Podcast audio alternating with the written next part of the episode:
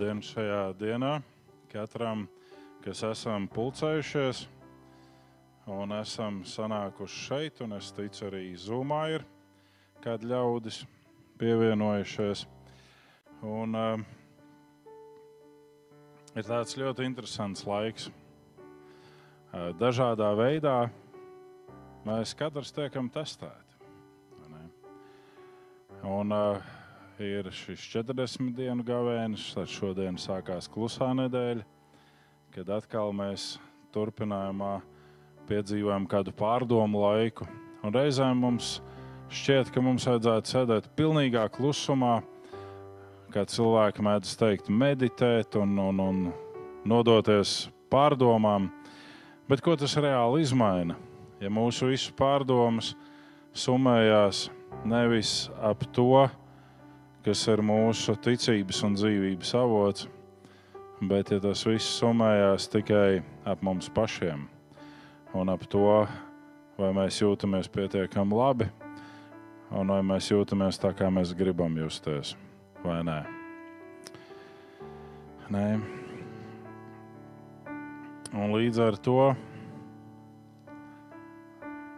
Dieva žēlastībā mēs varam arī šajā dienā nākt un pulcēties mūsu pārdomās, piedzīvojot Dieva klātbūtni, piedzīvojot Dieva aizsardzību, piedzīvojot Dieva vadību. Mēs esam šeit, lai domātu par to, ko Dievs ļauj mums katram saņemt, un kā mēs atsaucamies tam, ko Dievs ļauj mums saņemt.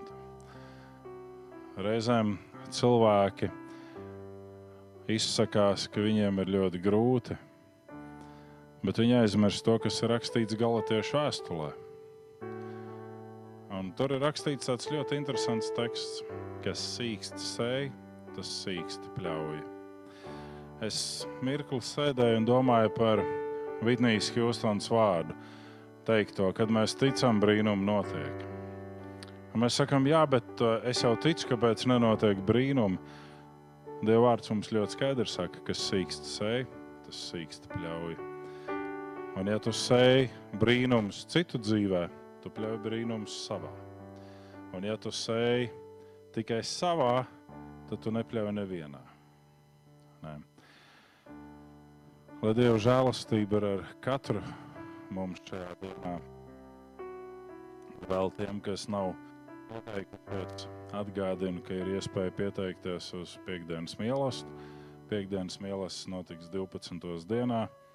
Daļējo dalības maksu par mīlestību jūs varat samaksāt uh, draudzes kasierei, jo daļu sēdz indivīds pats un daļu sēdz draudzene. 12. 12. dienā. Nu, tā lai mēs, kad beidzam, tad jau ir satums. Tad kā teikt. Ko? Nu, kā domā, mēs caur skursteni nonāksim tur? Nē. Tā kā, un ja kādam ir privāts dabas jautājums, kurā vietā tas viss notiek, tad vislabākais ir nolikt šeit pie baznīcas vai baznīcas pagalmā mašīnu un tad ar kājām doties uz Latvijas ielu pirms Barona ielas. Tur arī tas viss notiks. Tie, kas ir bijuši citkārt, tie zina, tie var draudzēties ar tiem, kas nav bijuši citkārt, un mēs varam doties turp un piedzīvot šo mīlestību kopā. Nu, lūk, lūksim Dievu. Debes Tēvs, mēs Tev pateicamies par Tavu žēlastību, mēs pateicamies par Tavu aizsardzību, mēs pateicamies par Tavu mieru un prieku svētajā garā, ko Tu dod katram no mums. Un mēs lūdzam, pieskaries mums, sākoties šim klusajam laikam, dod mums palikt Tevī un sekot Tev un stingri dzīvot Tevī. To lūdzam Tev Jēzus vārdā svētīdams svētī mūs, vairo mūsu ticību un vairo mūsu atziņu. Arī šajā brīdī, kad mēs gribam apliecināt savu ticību. Tev viss svētais un vienīgais. Mēs ticam uz Dievu Tēvu, visu valdītāju, debesu un zemes radītāju, un uz Jēzu Kristu, Dievu vienpiedzimušo dēlu, mūsu kungu, kas ieņemts no svētā gara, piedzimis no jaunavas Marijas, cietis zem Poncija Pilāta, krustā sists, nomiris, aprakts, nokāpis ellē, trešajā dienā augšām cēlēs no mirušajiem, uzkāpis debesīs sēdēs pie Dieva visvaldītāja tēva labās rokas, no kurienes viņš atnāks tiesāt dzīvus un mirušus. Mēs ticam uz Svēto garu, vienu svētu vispārīgu baznīcu, svēto sadraudzi, grēku piedošanu, miesas augšām celšanos un mūžīgo dzīvošanu. Āmen. Āmen. Un tā tad vēlreiz tāds īsts pārskrējiens nākamajai nedēļai. Katru vakaru septiņos Eh, Facebook kontā parādās krustaceļa dziedājumu un krustaceļa pārdomas. Katru vakaru mēs ejam soli tālāk. Otradienas vakarā, neatkarīgi no tā, kas parādās Facebook kontā, ir lūkšana vakars, kurā mēs turpinām mūsu ierasto ceļojumu. Ceturtdienas vakarā ir lūkšana vakars, kurā mēs apstājamies īpaši pie Jāņa Evanģēlī 13. nodaļas un eh, pie temata, kur es jums visiem solīju. Vienīgais tas, ka šis temats tiks attīstīts Zoom platformā, līdz ar to kāju mazgāšana varēs notikt privāti, individuāli, katram mājās pašam. Tā netiks veikta kolektīvi. Nē. Bet tā tad mēs apstāsimies pie šī temata.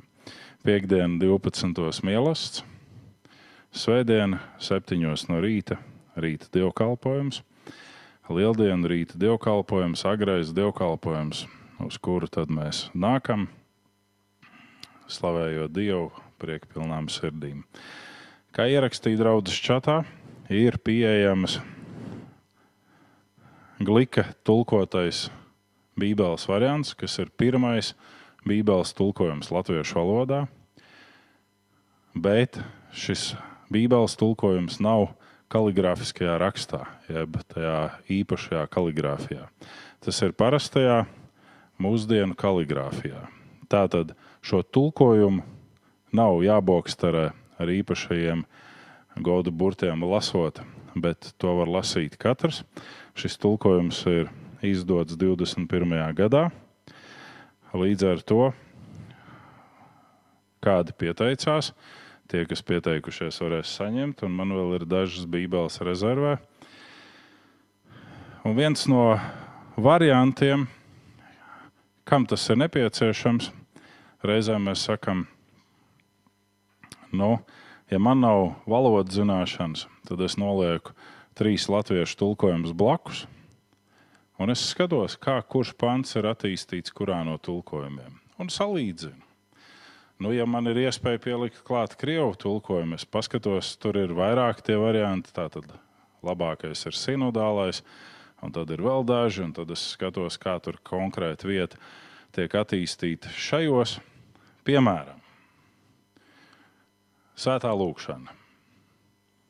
Krievu valodā nekad nav teikts par kaut kādu mistisko ļauno.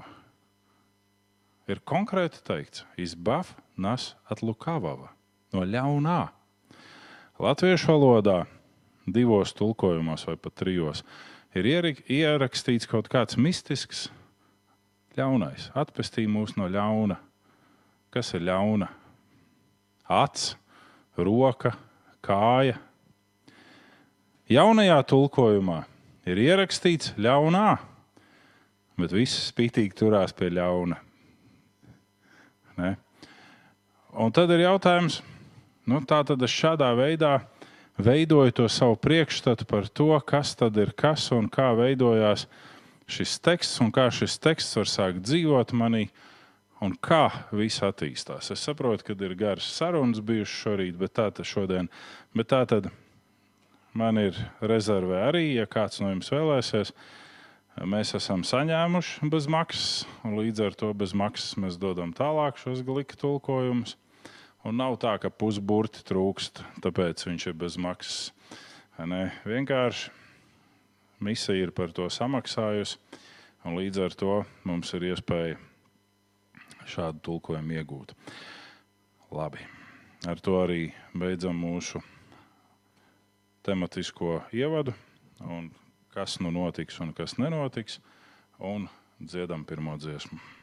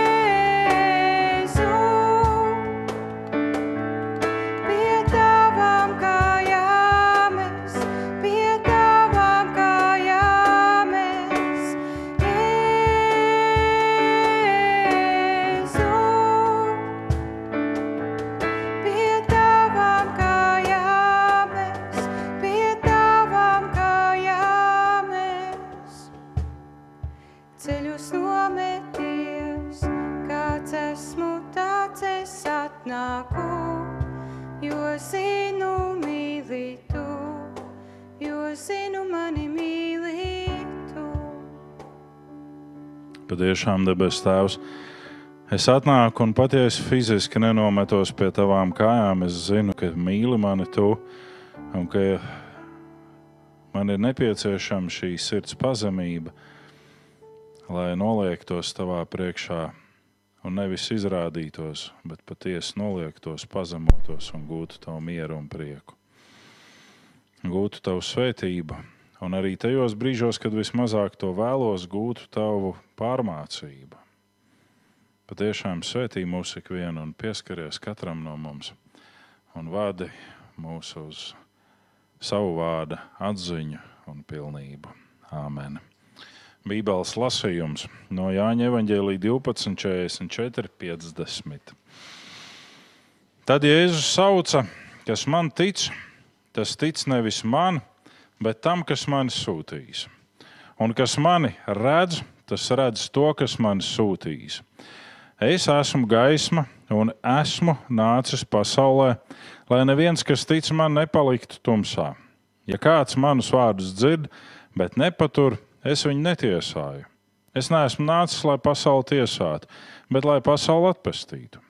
Kas man atraida un manus vārdus nepieņem, tam jau ir tiesātājs mans vārds, ko es esmu runājis, tiesās viņu pastarā dienā.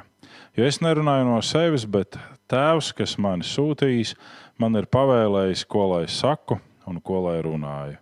Un es zinu, ka viņa pavēle ir mūžīgā dzīvība. Visu, ko es runāju, es runāju, kā mans tēvs man ir sacījis. Āmen. Sēdieties. Ticība caur vienu pie cita. Ir pirmais, ko mēs redzam šajā īsajā pārdomu momentā. Un, protams, ka katram no jums varētu rasties jautājums, kāpēc mēs šodien pārdomās runājam par kaut kādu Jēzus tiesāšanas, netiesāšanas aspektu vai ticības aspektu. Kāpēc mēs nerunājam par palmām un par Jēzus iejāšanu Jeruzalemē? Es domāju, ka katrs no jums zina no atmiņas šo notikumu, kas notika, un katrā no trim sinoptiskajiem evaņģēliem tas notikums ir atrakstīts un parādīts, un ir tik daudz apcerēts. Bet šis ir Jāņa skatījums uz šo pašu epizodi. Un Jēzus šeit runā ar cilvēkiem, un viņš saka, kas man tic, tas netic man, bet tam, kas man sūtīs. Ticība caur vienu pie cita. Vakardien jūs zinat, ka Anijai un Guntam bija kāds uzbrukums, un es ieliku draugu čatā, lai mēs lūdzam par to. Vēlāk Anija uzrakstīja pateicību, un šī pateicība tika summēta ar vārdu dievam un trīs izsaukuma zīmēm no kādas citas personas. Un mans jautājums bija vairāk ne par to, ka kāds nepateiktos dievam. Bet reizēm mums ir tāda paradoxāla situācija. Mēs tik ļoti baidamies no tā, ka draudzes cilvēki varētu pieķerties mācītājiem vai kādam no mācītājiem vai kādam citam skolotājam, ka mēs sakām, nē, nē, nē, viss ir dievam, viss ir dievam. Bet tikko runa ir par mani, tā jā, jūs varat sekot man. Un jums vajadzētu sekot man, un jums vajadzētu redzēt to, cik ļoti es par jums lūdzu. Un tas ir tāds tuk-tuk ienāciet paradoks. Apostols Pāvils nesaka, dzenieties pakaļ Jēzum, tā kā Jēzus dzenās pakaļ Dievam. Viņš saka, dzenieties pakaļ man, tā kā es dzenos pakaļ Dievam. Cilvēkiem ir vienmēr vajadzīgs tas viens, uz kuru viņi skatās. Un tam vienam ir nežēlīgi liela atbildība par to, kā viņš dzenās pakaļ Dievam. Vai viņš dzenās pakaļ Dievam? Mēs kādreiz esam runājuši par to, un kādi man ir jautājuši, nu, vai mēs arī Mariju sāksim pielūgt vai godināt, es nezinu. Bet mēs zinām vienu aspektu par Mariju ļoti konkrēti. Un tā nav mana vecāmīte, Marija. Zigrīdas arī mamma. Bet tā ir viena cita Marija. Ne? Mēs zinām vienu aspektu, ka Marija dzinās pēc dievbijības un viņa tika atrasta par cienīgu, nesāt sevi iemiesoto dievu. Viņa tika atrasta par cienīgu. Vai mēs dzenamies pakaļ dievam, tas ir šis jautājums. Jēzus saka, kas tic man, runa nav par mani. Jūs gribat pagodināt mani, kādā situācijā cilvēks nokrīt Jēzus priekšā ceļos. Jēzus saka, celies augšā, nu beidz pielūdz Dievu. Ne? Viņš saka, bet ja tu tici man, tad tu netici man, bet tu tici tam, kas man ir sūtījis. Es skatījos, kāda mācītāja profilā ir rakstīts, aicināts, kalps un mācītājs. Vai tu to, ko tu dari, vai tu dari pēc sava aicinājuma, vai kāpēc tu to dari? Jo visā, ko mēs darām, mēs esam aicināti norādīt uz mūsu šo lielāko, kas atrodas aiz mums. Tiesas spriedums un mīlestība. Un Jēzus parāda ļoti konkrēti, es esmu nācis izplatīt mīlestību. Un šis ir jautājums, ko mēs uzdosim katrs sev. Vai tu esi šeit, lai izplatītu mīlestību? Vai tu esi šeit, lai izplatītu mīlestību, ja tu esi šeit, lai konkrētā vietā, konkrētā laikā, konkrētā vidē tavas nepieciešamības un tavas vajadzības tiktu piepildītas un apmierinātas? Jēzus saka, es neesmu nācis kādu tiesāt, bet tiesātājs šajā visā situācijā ir mans vārds, ko es esmu runājis. Ne? Tas ir tiesātājs, kurš iztiesā. Pagājušajā svētdienā mums bija klasiska vārda tiesāšanas situācija. Mēs braucam, Anna atrodas pie stūres, un es viņai pus pa jokam, pus nopietni stāstu, lai viņa beidzas braukt pa bedrēm vienreiz, lai viņa ievēro, kur ir bedres un mēģina viņu sabraukt, jo Rīga vienkārši šobrīd ir fantastiska. Un kamēr mēs runājam, viņi man tur pabubina pretīm, ka viņi jau nemaz tā nebrauc pa bedrēm. Un ir tāda skaista kvadrātaina bedra un danga ar diviem riteņiem cauri tai bedrē. Man gan arī sirds caur logu izlaiž ārā. Tas ir tieši tas, ko Jēzus saka. Es uz jums runāju, es jums kaut ko skaidroju. Vai nu jūs to pieņemat vai nē, bet pieņemšana vai nepieņemšana nozīmē šo tiesāšanu. Ne? šo tiesāšanu, šo tiesas spriedumu. Ne. Viss krītam zem klavierēm. Jēzus saka, kas šos vārdus dzird un pilda, ir kā vīrs, kurš uzceļ namu uz cieta pamata. Un tad, kad nāk pārbaudījumi, tad, kad nāk smagi periodi dzīvē, šis nams netiek izkustināts. Ne? Un pēdējais ir visa avots. Un visa avots, kā Jēzus saka, ir tēvs, jo viņš nerunā no sevis paša, bet tēvs, kas ir viņu sūtījis, dod to, kas viņam ir jāsaka. Un tās ir arī pavēles, kuras mums ir jāpilda vai nav jāpilda. Lai Dieva žēlastība ir šodien ar mums, kad mēs dosimies tālāk, gan lūgsim Dievu, gan bērni klausīsies svētdienas skolu, gan arī mēs dziedāsim kādas dziesmas un klausīsimies Dieva vārdu. Un šodien, kā reiz, mēs sākam pārdomas par sievieti, un, un esam ceturtajā šajā visa sākums apcerē. Domāsim, lai Dievs svētī mūsu ikvienu. Debes Tēvs, mēs lūdzam Tavu žēlastību gan bērniem svētdienas skolā, gan mēs lūdzam Tavu žēlastību arī mums. Lai tas, ko mēs mācāmies, lai tas, ko mēs apgūstam, lai tas, par ko mēs varam domāt, lai tas ir tas, caur ko Tu vari mūs svētīt tik vienu. Gan uzrunā mūs caur dziesmām, gan caur savu vārdu, gan mēs lūdzam Jēzu. Pieskaries katram, kurš sirgst, pieskaries katram, kuram ir smagi uzbrukumi lai tavu godība nonāk apēno ikvienu no mums, un kā tavu bērnu saimi aizstāv no ļaunā, un mēs varam gūt mieru un prieku tevī. Āmen. Pirms mēs dziedam, jā, bērni ir doties prom. Pirms mēs dziedam, es gribēju vēl pateikt vienu info. Mums nebūs nākamajā svētdienā svētais vakarēdienas jo mēs to svinēsim piekdienā. Mazliet atšķirīgā veidā, bet tas būs piekdienā. Bet šobrīd divas dziesmas dziedāsim, lai Dievs svētītu.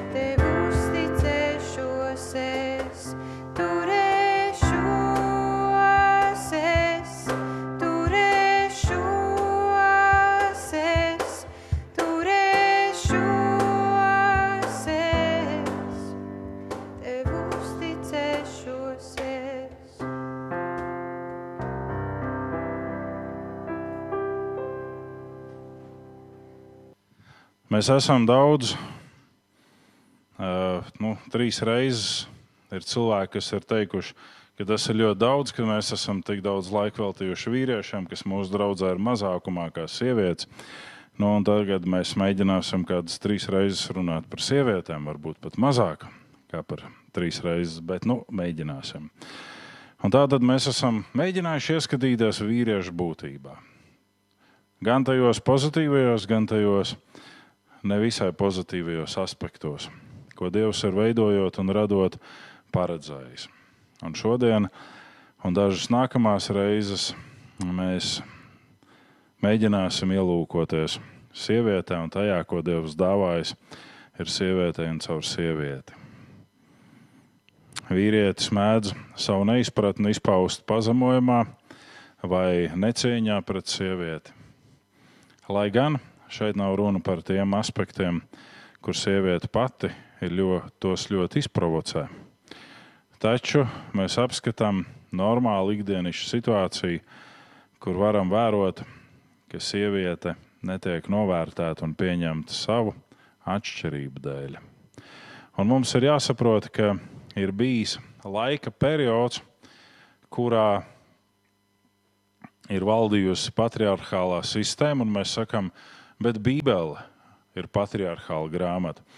Nu, patiesībā Bībele nav patriarchāla grāmata, un ebreju kultūra nav patriarchāla sabiedrība. Jā, viņi atsaucās uz ticības tēviem. Vīrieti, vīrietis ir ar savu noteikšanu un galveno lomu ģimenē, bet ja mēs skatāmies uz to, ko Bībele runā par sievieti, mēs sakām, jā, mums nepatīk šī loma sadalītība. Mēs gribam, ka sieviete var darīt visu, un mēs gribam, ka vīrietis var darīt visu. No, tas īsti tā nestrādā. Un kā jau es pieminēju, arī citkārt, ja vīrietis gribētu pat pāroperēties un kļūt par sievieti, kaut ko fiziski viņš pamainīt sevī var, bet smadzenes izmainīt nevar. Neviens neveic smadzeņu operāciju. Un, ja sieviete gribētu kļūt par vīrieti, tieši tas pats. Ne? Un šodien apstāsimies pie pirmā psalma visiem sešiem pantiem. Un tur ir rakstīts, svētīts, kas ļaundara padomā nestaigā, uz grēcinieku ceļu nestāja un paļātāja pulkā nesēž. Kam par kunga bauslību prieks, kas dudina viņa bauslību dienu un nakti. Tas aug kā koks stādīts pie ūdeņa straumēm. Augļus tas laikā nes, lapas tam nenovīst, ko tas dara, viss izdodas, bet ļaundariem tā nav. Tos kā pelaus putina vējš, tādēļ ļaundari nepastāvēs tiesā, nedz grēcinieku taisno draudzē, jo taisno ceļu kungs zina, bet ļaundaru ceļš ir pazušana. Āmen! Ak, jā, es vienu informāciju aizmirsu pateikt visiem. Tie, kas nepievienosies klātienē nākamā svētdienā, septiņos, tie arī neredzēs Zoom, jo Zoom pārraide nebūs.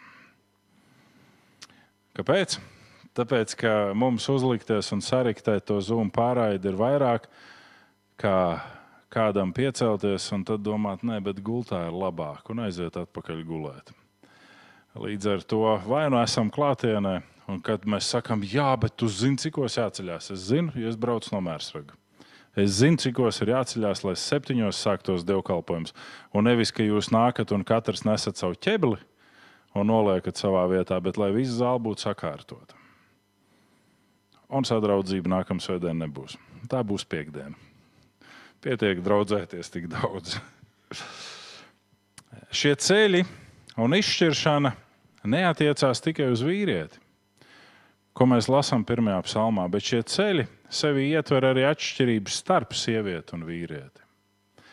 Ja bezdievīgie ir tie, kas provocē vīrieti un saka, nu, nu kas tad tā sieviete ir, nu mēs taču varam viņu paņemt, mēs varam paniekoties ar viņu, mēs varam pamest viņu, ko tu tur iespringst tik daudz. Un tas pats ir par sievieti pretēji. Draudzeņu pulkā apspriest to, kas un kā notiek, ir tik interesanti, ka pēc tam tās draudzenes mēģina atkantēt to čali. Ne? Nu, tā tas ir. Un šie ir tie divi dzīves ceļi. Un tomēr tie pastiprina dievbijīgu vīriešu un sievietes saskaņu un komandas spēku. Un tas interesantais ir tas, ka tas vīrietis un tā sieviete dudina par dievu bauslību dienu un nakti. To saka pirmais psalms. Dudina tas ir tas faktors, kurš mums nepatīk, tāda baloža sindroms. Mēs sakām, nu, balodas nav foršs putns. Kāpēc? Nu, tāpēc, ka pirmkārt, balodu es nekad neesmu redzējis ar bērniem. Kur ir balodim bērni? Mēs nezinām. Ne? Balodas ir viens pats. Vai baloži ir baros? Un tad baloži piepūšās, un tad baloži zibina savas zīļojošās spalvas, un, un, un viss kaut kas ir. Un mums šeit šobrīd vēl patreiz ir iespēja ik pa brīdim tur izlaiž uz jumta ārā baltos baložus, tie, kas ir kāzām paredzēti. Un tā viņi tur staigā, un tā viņi tur uh, gozējās saulē, un tā viņus tur var vērot. Ne? Bet viņa bērnus nekad neredz. Un arī to viņa mistisko līgstu, ko viņi visu mūžu būvē un nekad neuzbūvē, nevar redzēt. Bet šeit ir pieminēts tieši šis vārds, ka tas normālais vīrietis un tā normālā sieviete dudina par dievu bauslību dienu un nakti. Un mēs sakām, ko tad tur par to bauslību un par to dievu vārdu, ko tad tur var tik daudz izdudināt? Tie, kas vakardien piedalījās lielajā mīlestībā, mums bija dažādas pārdomas, katram vēlāk ejot, un, un, un dažādas uh, domas, bet bija viens, par ko mēs visi bijām vienprātīgi. Pat reizi gadā bērniem piedaloties šajā mīlestībā, viņiem vienalga līdz mūža beigām neradīsies tāda pilnīga, absolūta pārliecība. Tas ir viņu pašu dzīves process. Un Dieva vārds saka, visu to, ko Dievs ir darījis, to atgādina savam bērnam visu caur diennakti. Runā par to, ieaudzina viņu tajā. Lai viņš pat sirds kļuvis, neatstājas no tā visa. Tas ir kaut kas īpašs. Un, protams, ka tur nav tikai tā drastiskā močīšana, piedodiet par šo žargonu, kur mēs močījam to bērnu un tagad mācies, tagad iezina Dievu vārdu. Tur ir arī caur šo spēli, kā pats Kārlis vakardien teica, ne, ka viņam kādreiz svinot mīlestību mājās, tikai savas ģimenes lokā. Viņš nav noslēpis, nē, viņš ir noslēpis afikomenu, bet nav bijusi izpirkšanas dāvana. Un līdz ar to, ja nav dāvana, ir jākaulējās un viņa dēls ir kaulējies, un tas ir bijis veids, kā dēls ir ticis pie lielā nervu ieroča.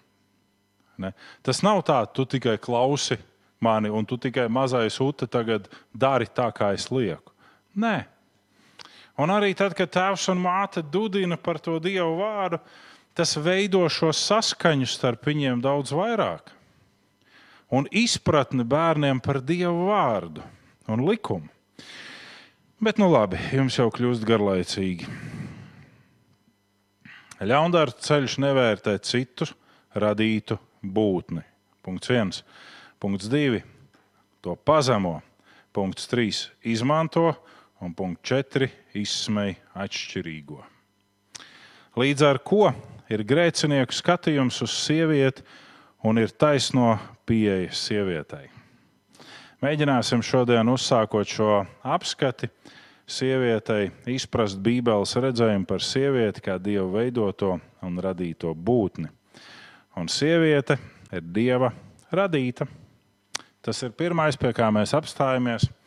Vīrietim savu neizpratni ir lapaticis izteikt pazemojumā sievietei. Sieviete ir radīta no vīrieša ribas. Riba vienīgais kauls, kam nav kaulu smadzeņu. Nē, nu, Okay, ko darīs? Līdz ar to ir izveidojies spēcīgs patriarchāts šajā negatīvajā patriarchāta skatījumā. Ka mēs to saucam, jeb kā mēs to saucam, taču mēs nevaram noliegt, ka ir tikpat spēcīgs matriarchāts. Šodien mēs braucām šurp un bija runa, kāpēc to cilvēku neķengā par kādiem konkrētiem pārkāpumiem un kāpēc tur to cilvēku ķengā. Un es saviem sarunu biedriem teicu, hei, paskatīsimies uz 1300 gadiem, pirms reformācijas laiks, baznīcā parādās sievietes mistiķas. Ne? Normāli. Kas piedzīvo šos mistiskos piedzīvojumus, kur viņām Dievs atklājās, šie piedzīvojumi ir pierakstīti, šie piedzīvojumi dzīvo baznīcā vēl šodien, bet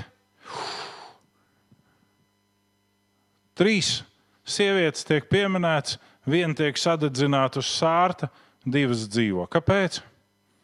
Tām divām bija bagāti vīri, un viņas ir atraitnes. Un viņas savas mistiskās pieredzes rezultātā, un ne tikai rezultātā, bet labestībā un ticībā, var savus līdzekļus ziedot baznīcai. Līdz ar to viņas ir ļoti vērtīgas tā laika vidē. Un tad ir Margarita, kura diezgan jauna aiziet no šīs dzīves. Es runāju tikai par 1200, 300 gadu. Viņa aiziet uz sārtu no šīs dzīves, un viņa nav bagāta. Viņai nav bagāta vīra, viņa nav vispār precēta. Kāpēc? Kāpēc tā? Nē. Patriarchāta laikā mēs redzam šo nepareizo pieeju. Un šis nepareizais patriarchāts izveido izkropļotu matriarchātu, kur ir valdonīga sieviete, vardarbīga citkārt pat. Un šī sieviete savā valdonībā un vardarbībā sabojā bērnu nākotnes konkrēti. Un tad, kad mēs skatāmies gan uz vīrieti, gan uz sievieti, viens no vissmagākajiem pārkāpumiem, kas bojā sievietes un vīriešu nākotni caur viņiem uz viņu bērniem, ir paštaisnība. Ja vīrietis ir veidots no mālainās zemes, tad sieviete nav veidota no zemes. Sieviete ir radīta, jeb atšķirta jau no esoša ķermeņa. Un tas viss ir saskaņots ar Dievu, jo arī sieviete ir pēc Dieva tēla un līdzības. Pirmā mūzes grāmata, pirmā nodaļa, 27. pāns mums saka, un Dievs radīja cilvēku pēc sava tēla, pēc dieva tēla viņš radīja to vīrieti, un sievieti viņš radīja. Un mums nevajag likt komatu aiz vīrieti un teikt, ka sievieti Dievs vienkārši radīja. Tur nav teikts, ka sievieti viņš radīja pēc savu tēla. Nē, tur ir teikts, ka Dievs radīja cilvēku pēc savu tēla, viņš to radīja sievieti, un viņš to radīja vīrieti. Un, ja mēs skatāmies uz ebreju valodu, tad latviešu ir pilnīgi divi atšķirīgi vārdi - vīrietis, sieviete. Ebreju valodā vīrietis ir īšs, un sieviete ir īšā. Nevis īsā, bet īšā. Ne? Un vīrietis ir īšs, un sieviete tiek ar vienu papildinājumu pielikt. Un tad ir atkal tas nākamais, kur ķecerīgie vīrieši saka, nu, redz, tā ir tāda uzlabotā versija, nu, nu tāda dīvainā versija. Nu, nē. Kādreiz pašā senākajā glīka tulkojumā, es nezinu par šo, bet pašā senākajā glīka tulkojumā glīks bija ierakstījis, ka tika radīts vīrietis un vīrene. Tā tad sieviete ir nu, vīrene paļubom, ja viņai ir dēls un tas apprecās, viņa ir vīrene. Ne? Bet jā, nu, es palieku pie tā, ka vīrietim var šķist neticami, ka Dievs varēja radīt kaut ko tik atšķirīgu, un tomēr tas ir brīnums un vērtība. Un te mēs apstājamies mazliet pie atšķirības. Un tā ir sievietes hormonālā sistēma, ko vīrietis ja viņš nedzird par šo, un ja viņš nemācās par šo, un ja viņš neizzondē savu sievu, viņš viņu nevar izprast. Un tie visi stāsti, skaistie pastāstiņi, mēs viens otru saprotam no pusvārda. Eh, tie ir tādi ļoti abstrakti pusvārdi, no kuriem var saprast. Tajā brīdī, kad mums vajag saprast, vai nopirkt maizi viena veida vai cita veida, mēs saprotam viens otru no pusvārda. Bet tajā brīdī, kur tam vīrietim vajadzētu saprast, kāpēc šorīt viņa sieva ir pamodusies ar divām kreisajām kājām un viņa vienkārši ir kā fūrija mājās, Ne, jeb kā šorīt kāds vīrietis redzēja zaļas ragans, kas knāb viņam acis ārā, vai ne? Tad, jā, kas ir jums tur ļoti jautri pēdējā rindā.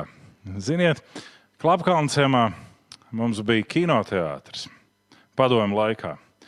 Un, lai tiktu uz kinoteātri, vajadzēja ne vairāk, ne mazāk kā salasīt krūmos jūrmalā trīs pudeles, veikalā nodot Un tad par šo naudu sanāca kino biļete, jo 50 kopeikas maksāja uz abām filmām biļete. Un vēl 20 kopeikas palika pāri saldējumam. Pola saldējums maksāja 20 kopeikas. Ne. Un līdz ar to, aizejot uz kino, mēs zēni ieņēmām tās vietas, kas bija aizmugurējā rindā. Jo visa kino zāle bija tā kā šeit, izlikt vienā līmenī ar beņķiem, un aizmugurējā rindā bija soli salikti viens uz otru, un tā rinda bija augstāka. Un mēs sēdējām parasti uz to rindu, jo tur varēja labāk redzēt. Nu, Citkārt varēja ķiķināties, it sevišķi indiešu melodrāmās, tā kā šodien par mani. Ne? Bet viss labi. Tā tad tā bija ar to kino. Un sievietes hormonālās atšķirības no vīrieša ir tās, ko vīrietis vismazāk grib izprast, saprast un pieņemt. Mātes, es gribētu teikt, mazliet jums komplimentu, jūs esat noziedznieces. Jo jums, jūsu dēliem, kā mamām, kas audzina, ir bijis jāpaskaidro šī atšķirība. Es pieņemu, ka reizēm jūs pašas nesaprotat to bet ir bijis jāpaskaidro šī atšķirība. Jo kādreiz jūs gribat, lai jūsu dēls atved mājās skaistu sievu, ne tikai skaistu ārēji, tā kā tas puisis, kas uh, atveda to trīsfāžu sievu. Uh, tur viņi satikās, tie divi draugi. Viens bija precēts, viens nē. Tas precētais saka tam neprecētam, nu, cik ilgi tu būsi viens. Kad tu precēsies, viņš saka, es meklēju trīs fāžu sievu. Viņš saka, nu, kā tas ir? Nu, viņš saka, nu, Man vajag tādu sievu, kas virtuvē ir saimniece, gultā kā mīļākā un ciemos kā skaistule. Un pēc laika viņi satikās. Viņš saka, nu, tu atradi savu trīsfāžu sievu. Viņš saka, jā, es atradu, bet, ziniet, arī elektrībā mēdz būt fāžu nobīde. Tā arī man bija fāžu nobīde. Viņš saka, kā tas ir? Viņš saka, nu, kā man viņa virtuvē bija kā skaistule, ciemos kā mīļākā un gultā kā saimniece. Nē, nu, apmēram tā. Tā kā ir konkrēts nobīdes iespējams. Bet tā tad mēs gribam, lai mūsu dēliem ir labas sievas, bet, lai viņiem būtu labas sievas, viņiem ir nepieciešams šīs sievišķās atšķirības izprast, nevis uz tām skatīties kā uz kaut ko āhā. Un, ja mēs runājam par hormonālajām atšķirībām, kas katrā dienā var mainīties un atšķirties sievietes ķermenī, tad ir divi periodi sievietes dzīvē, kas ir ļoti smagi. Un, ja tas pirmais ir mazāk smags, tad tas otrais daudzām sievietēm ir maksājis ar dzīvību. Un pirmais periods ir pubertāte, un otrais ir menopauze. Jo tajā brīdī, kur sievietei beidzās viņas cikls, ir eh, tādas pārmaiņas, ka ir sievietes, kuras arī to nespēja izturēt fiziski. Viņas aiziet no šīs dzīves. Un pa vidu starp pubertāti un starp menopauzi ir visas šīs dienas. Iespējams, par tām mēs runāsim vēlāk, ne šodien, bet citreiz, kad ir aktīvi hormoni, kad ir mazāk aktīvi, kad ir tā saucamais PMS periods. Kad liekas, ka tu vari kļūt par hipiju un mīlēt visu pasauli, un tad tu esi emo, un tad tev vajag sevi izteikt. Un vīrietis nespēja tam izlēkāt līdz brīžam. Un, ja viņam vispār nav izpratne par to, ka viņam vajadzētu izlēkāt līdz kaut kam, tad ir tikai viens, es tā teicu, un tagad būs tā.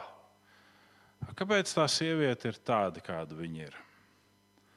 Kāpēc šodien katrs mazākais vārdiņš, ko tu pasaki, viņai var izraut asaras, un tur sākās divas mazas ziedoņdāras strūklaciņas?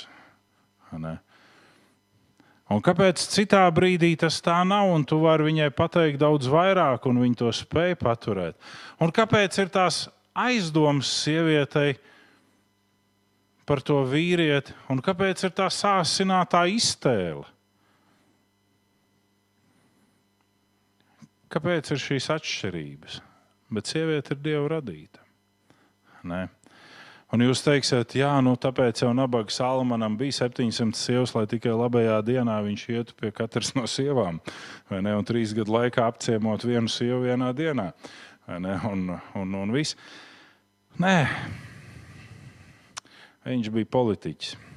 Sieviete atšķirās no vīrieša. Ir otrais, pie kā mēs apstāsimies. Un es esmu mēģinājis salīdzināt tā mazliet tēlaini un episki un triviāli sievieti un vīrieti ar geogrāfiskiem lielumiem. Ja pagājušajā reizē, kad mēs sākām par vīrieti, mēs runājām par sauli un mēnesi, tas viss turpinās, bet paskatīsimies uz sievietes geogrāfiju atbilstoši vecuma posmiem un uz vīriešu geogrāfiju atbilstoši vecuma posmiem. Esat ar mieru? No 18 līdz 22 gadu vecumam sieviete ir kā Āfrika. Pa pusē atklāts, pa pusē mežonīgs, auglīgs un dabisks, skaists kontinents. No 23 līdz 30 gadu vecumam sieviete ir kā Eiropa, labi attīstīts un atvērts tirdzniecībai, īpaši tiem, kam ir patiesa vērtība. No 31 līdz 35 sieviete ir kā Spānija, ļoti karsta, relaksēta un pārliecināta par savu skaistumu. No 36 līdz 40 gadiem sieviete ir kā Grieķija. Viegli novecojoša, bet joprojām silta un iekārojama vieta, ko apmeklēt ar savu filozofiju. No 41 līdz 50 sieviete ir kā Lielbritānija ar krāšņu un visu uztverošu pagātni, uzsverošu. No 51 līdz 60 sieviete ir kā Izraela. Ir pārdzīvojis kāru divreiz, nepieļauj vienas un tās pašas kļūdas un rūpējās par biznesa attīstību. No 61 līdz 70 sieviete ir kā Kanāda. Pašsaglabājoša, bet atvērts jaunu cilvēku sastapšanai. Un tas ir starp citu tas, ko mēs esam ļoti piedzīvojuši ka seniori runā. Nu, es gribētu, ka kāds atnāk pie manis. Un senioriem līdzīgs seniors saka, labi, es aiziešu pie tevis. Nē, man te nevajag. Man vajag, lai kāds jaunais atnāk pie manis. Ne. Un tad pēc 70 gadiem sieviete kļūst par Tibetu. Mežonīgi skaista, ar noslēpumainu pagātni un laikmetu gudrībām. Piedzīvojumi gars, un garīgo zināšanu slāpes. Vīrietis, vīriešu geogrāfija iedalās vienā milzīgā posmā. No 1 līdz 100. Vīrietis ir kā Ziemeļkoreja vai Krievija, kuru pārvalda daži dīvaini.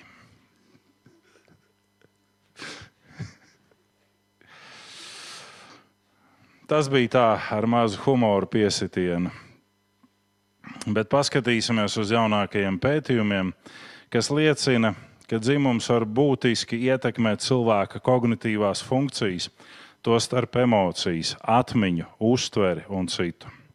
Šie pētījumi ir veikti 2006. gadā. Šķiet, ka vīrietim un sievietei ir dažādi veidi, kā kodēt atmiņas, sajūtas, emocijas, atpazīt sejas, atrisināt noteiktas problēmas un pieņemt lēmumus.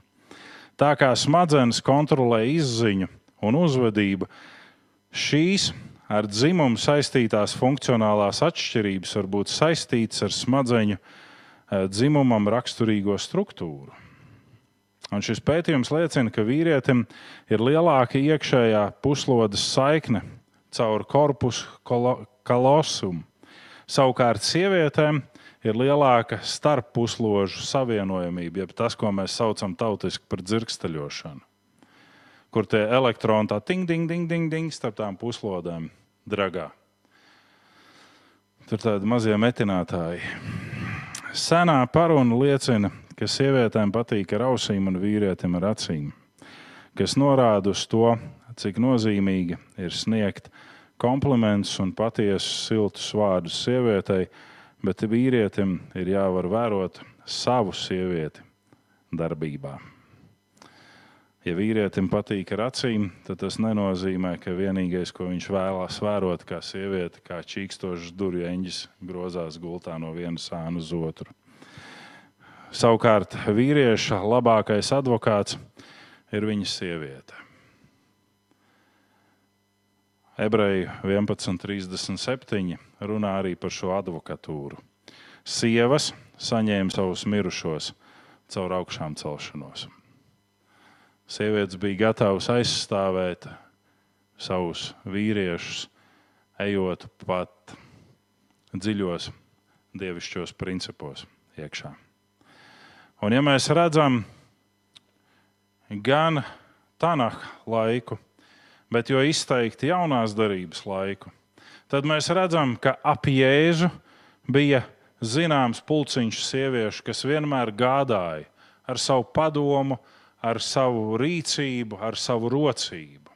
Un to pašu mēs varam redzēt arī pie Jēzus mācekļiem.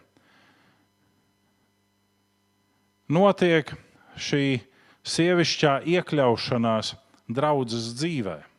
Draudze nav tikai tas, kur sanāk vīrieši, kur tikai vīrieši gudri paspriež un iet mājās.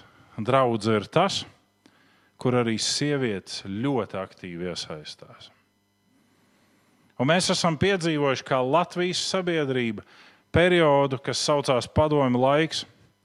Un, un padomju laikā bija Latvijas Lutāņu baznīcā oficiāli ordinēts 11 mācītājas. 16, es atvainojos.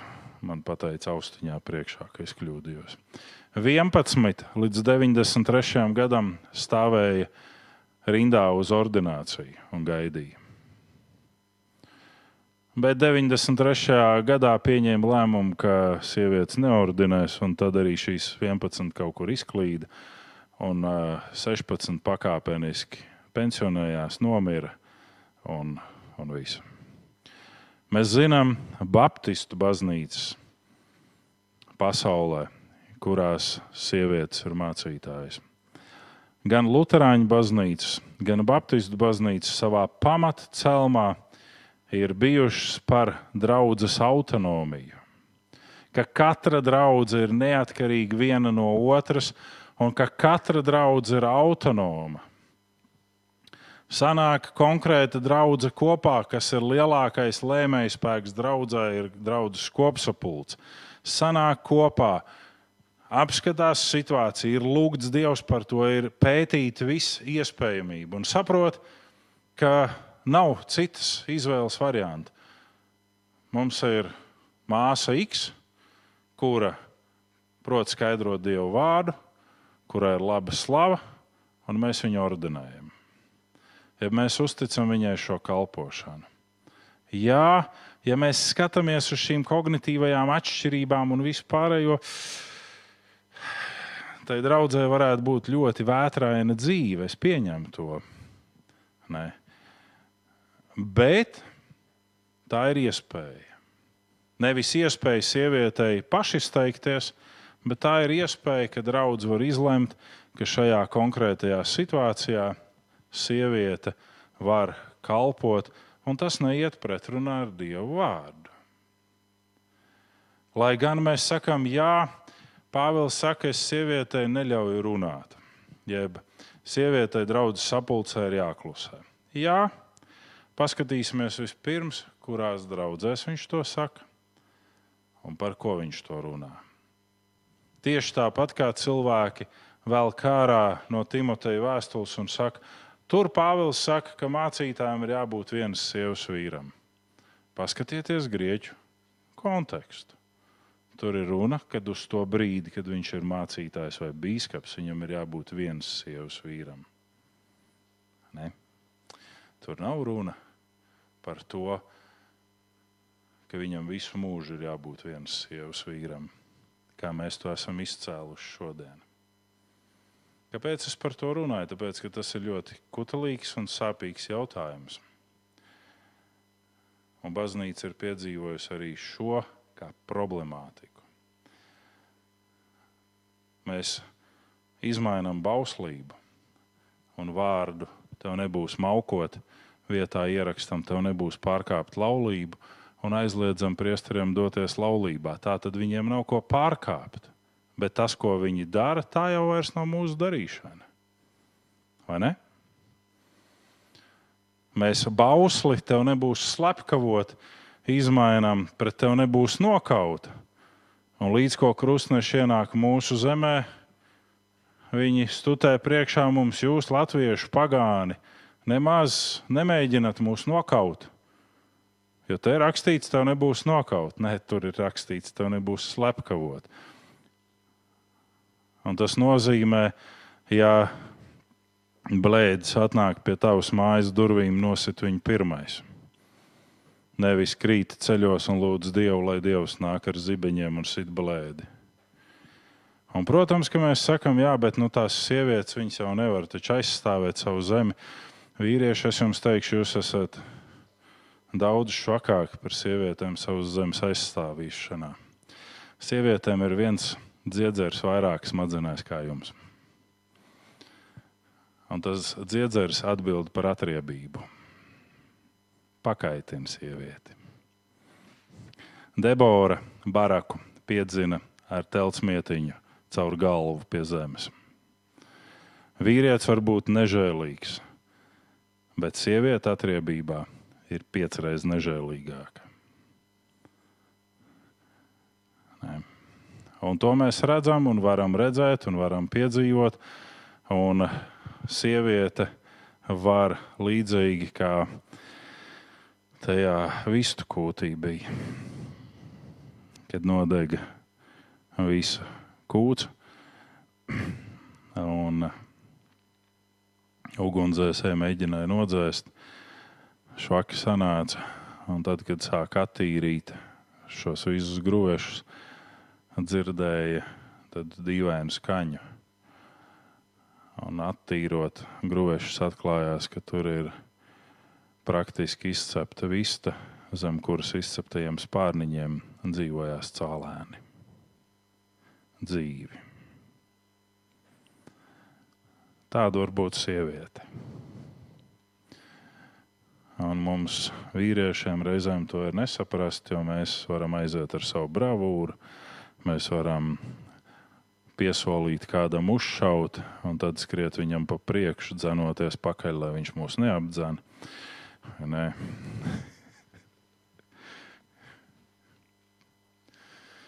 Bet eh, šajā ziņā sieviete ir krietni atšķirīga. Un, ja vajadzēs, kā jau es teicu, sieviete arī savus mirušos ir atgūsta caur augšām celšanos. Tur nav minēts, ka vīrieši, bet tur ir minēts, ka sievietes. Ne? Un eh, mēs zinām visus šos dievišķos brīnumus, ko Dievs dara caur sievieti. Sieviete arī ir mantiniece. Vīrietim nav pareizi izmantot savu autoritatīvo spēku un varu. Savukārt, sievietei nav labi izmantot subordināciju un kļūt pārlieku manipulatīvai, valdnieciskai un pat nepatīkami un atriebīgi ļaunai pret savu vīrieti. Bet tā tas notiek. Un pirmais, par ko liecina šī nesubordinācija ir plāpāšana pa vidu tajā brīdī, kad sievietes vīrietis runā. Tur vārās pa vidu un vispār neņem vērā un neklausās. Un pēc tam taisa rosolu no vīrieša teiktā. Un saka, bet tu tā teici. Nē, nē, nē, nē, es tā neteicu. Es teicu pavisam savādāk. Vīrietim nav pareizi izmantot savu varu un spēku. Un teikt, bet es esmu ģimenes galva. Jā, tu esi galva, piedod, bet tukša. Nē. Un tad, kad mēs skatāmies uz šo zināmo uh, intelektu vai prāta spēju subordināciju, normālā situācijā, nevis skatoties pēc papīriem, bet normālā situācijā, kur vīrietis ir zinātnākārs vīrietis, nevis uh, uh, kā tu šodien teici, kādu vīriešu tev riebjās. Nu, labi. Tas, lai paliek starp mums. Nu, viņš teica, ka es viņam riebjos. Labi. Tā tad vīrietim ir normāli būt tādam, kurš ir zinātnēkārs un kurš grib izzināt lietas. Un, ja vīrietis tāds ir, un to es runāju arī ar bērniem ēndienā, ka ir bijis interesanti, manā laikā nav bijis gadgetu, bet manā laikā ir bijušas dažādas grāmatas par auto uzbūvi tēvam plauktā. Un es viņus ik pa brīdim vilku ārā un pētīju, un skatījos un domāju, un funkcionēju, ko tur var mainīt un darīt, un kā tur var veidot kaut ko. Un otrs grāmatu pasākums, kas mums bija, bija visu tautu pasakas. Mēs tās saucam par pasakām, bet jūs zināt, ka šajās pasakās ir liela dzīves gudrība ielikta dažāda dzīves gudrība. Un tās ir patīkami lasīt. Un uh, savā bērnišķībā tas pavairo arī iztēles iespēju. Un tad ir bijuši arī visu šo tautu lielie eposi, kas ir gan Ilja Muramietis, gan Kalevala, gan uh, Grieķu tautas uh, mitoloģija. Un tad ir bijušas ceļojuma grāmatas. Un tās, kas man patika visvairāk, bija Rāuna tigras ekspedīcija. Un tas ir tas zinātnēkārs aspekts. Tu mēģini būt zinātnēkārs. Un, ja tā situācija ir tāda normāla, vīrietis ir zinātnēkārs, sieviete arī, tad tas līmenis ir apmēram tāds, ko pētnieki ir teikuši, ka vīrietis ar bakalaura izglītību atbilst sievietei ar maģistra izglītību. Nu, tad viņi ir apmēram vienā līmenī, velkoši un domājoši. Ja vīrietim ir tā tad uz augšu, nu, tad sieviete arī uz augšu. Ja vīrietim ir uz leju, tas intelektuālais, tad sieviete arī uz leju. Bet ne jau būtiski ir tas intelektuālais, jo var būt arī manas vecās mammas, kas vienu pabeidz četras klases, vienu sešas klases, bet viņu dzīves gudrība bija daudz spēcīgāka nekā dažam doktoram. Ne. Sieviete arī ir mantiniece. Un mēs lasīsim 1. pētera vēstuli 3. nodaļu 7. pantu divās uh, tulkojuma versijās. Un pirmā ir 65. gada, un otrā ir jaunais tulkojums. Tāpat vīri sadzīvojiet prātīgi ar sievu, kā ar vājāko radījumu. Godājiet viņus kā tādas, kas ir žēlastībā dotās dzīvības līdzmantinieces, lai jūsu lūgšanas netaptu traucētas. Un jaunais saka, tāpat arī jūs vīri, lai jūsu lūgšanām nekas nestāvētu ceļā, dzīvojiet kopā ar savām sievām, apzinoties, ka viņas ir vājākas, un tāpat kā jūs, arī ir žēlastībā iemantojušas ticību. Būtiskākais ir šis sadzīvošanas aspekts. Lai vīrietim nerastos šis pazemojums, ka sieviete, mēs varam no tāda gnostiķa prizmas paskatīties, ka vīrieši tiek sadalīti divās lielās kategorijās - psihiķos un pneimatiķos. Ne, un vienie, vieniem ir trīs daļas, un otriem nav trīs daļas. Vieniem ir gars, dvēseli, miesa, otriem tikai gars un miesa. Un dvēseli vispār nav, un sievietes jau ir konkrēti uzreiz tikai ar garu un miesu. Un Pēters saka, nē, nepazemojiet, jo sievietes ir arī līdzmantenieces. Tās dzīvības, tās mūžīgās dzīvības. Un otrkārt, viņš saka, lai vīru lūgšanas netiktu traucēts, nekas nestāvētu ceļā. Dzīvojiet kopā ar savām sievām, apzinoties, ka viņas ir vājākas. Jā, sieviete, lai cik viņa ļoti pumpētu muskuļus, viņa nevarēs izpildīt eh, to, ko vīrietis, izņemot tādas sievietes kā Uljāna Simjonova. Bet uh, sievietei arī nav jāvar izpildīt tas. Sieviete nav dieva radīta par tankisti. Un, ja tanks neiet, tad stumā pleciņu uz mājām. Viņu, nu, nē. Un tas, ja kāda sieviete grib kļūt par tankisti, lai Dievs viņu svētī, bet tad viņai ir jārēķinās, ka viņa nevarēs būt māte. ne? Un sievietes, tāpat kā vīrieši, ir iemantojuši žēlastībā ticību. Un sievietēm šī ticības iemantošana ir bijusi daudz vienkāršāk pieejama. Un nevis tādēļ, ka vīrietis tur ir ļoti liels filozofs un viņš tur domā visu kaut ko. Viņš reizēm domā vienkārši tādēļ, lai nebūtu jādara nekas.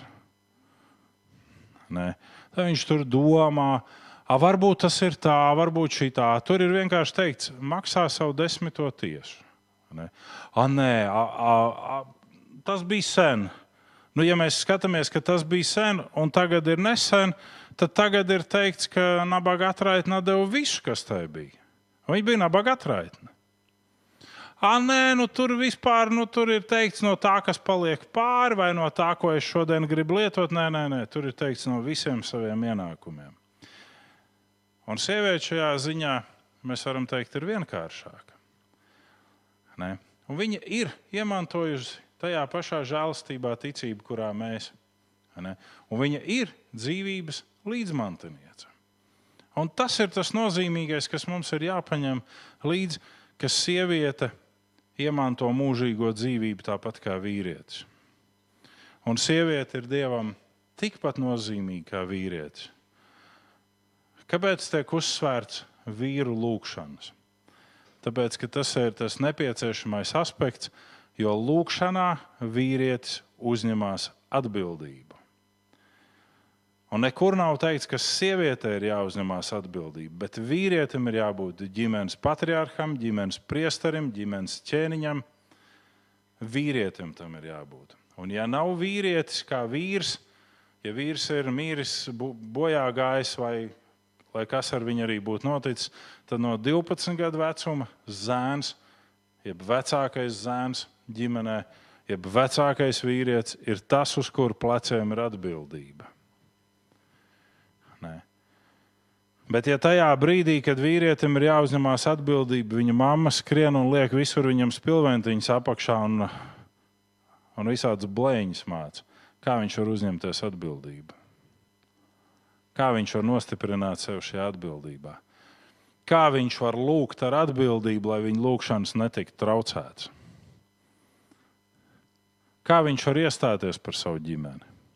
Jūs sakat, nu ļoti vienkārši, nu, Dievs jau visu dara. Jā, jā, bet mums arī kā cilvēkiem ir savas audzināšanas daļas. Un ja šajā brīdī mēs skatāmies uz sievieti kā uz vājāko radījumu, jeb uz kā vājāko būtni, arī šajā hormonālajā izteiksmē, ko es pieminēju jums. Un ja tas vīrietis savā lūkšanā neuzņems atbildību, bet visu laiku masē Dievu par to, ka viņam tur tā hormonālā būtne nes smadzenes ārā. Tad viņa lūkšanas, protams, tiek traucēts. Ja tas jau ir sātans, kas rada starp šiem diviem apsūdzības. Tas jau ir sātans, kas rada apsūdzību skatu vīrietim, ka sieviete viņas atšķirību dēļ nav vērā ņemama. Ne? Un apsūdzībām mēs stājamies pretīm Jēzus vārdā. Lai Dievs jūs svētī, un lai Dievs svētī katru no jums meitenes, lai Dievs svētī jūs puiši, lai Dievs žēlastībā jūsu lūgšanas netiek traumētas un traucētas, bet jūs varat dzīvot Dieva godam un Dieva spēkam.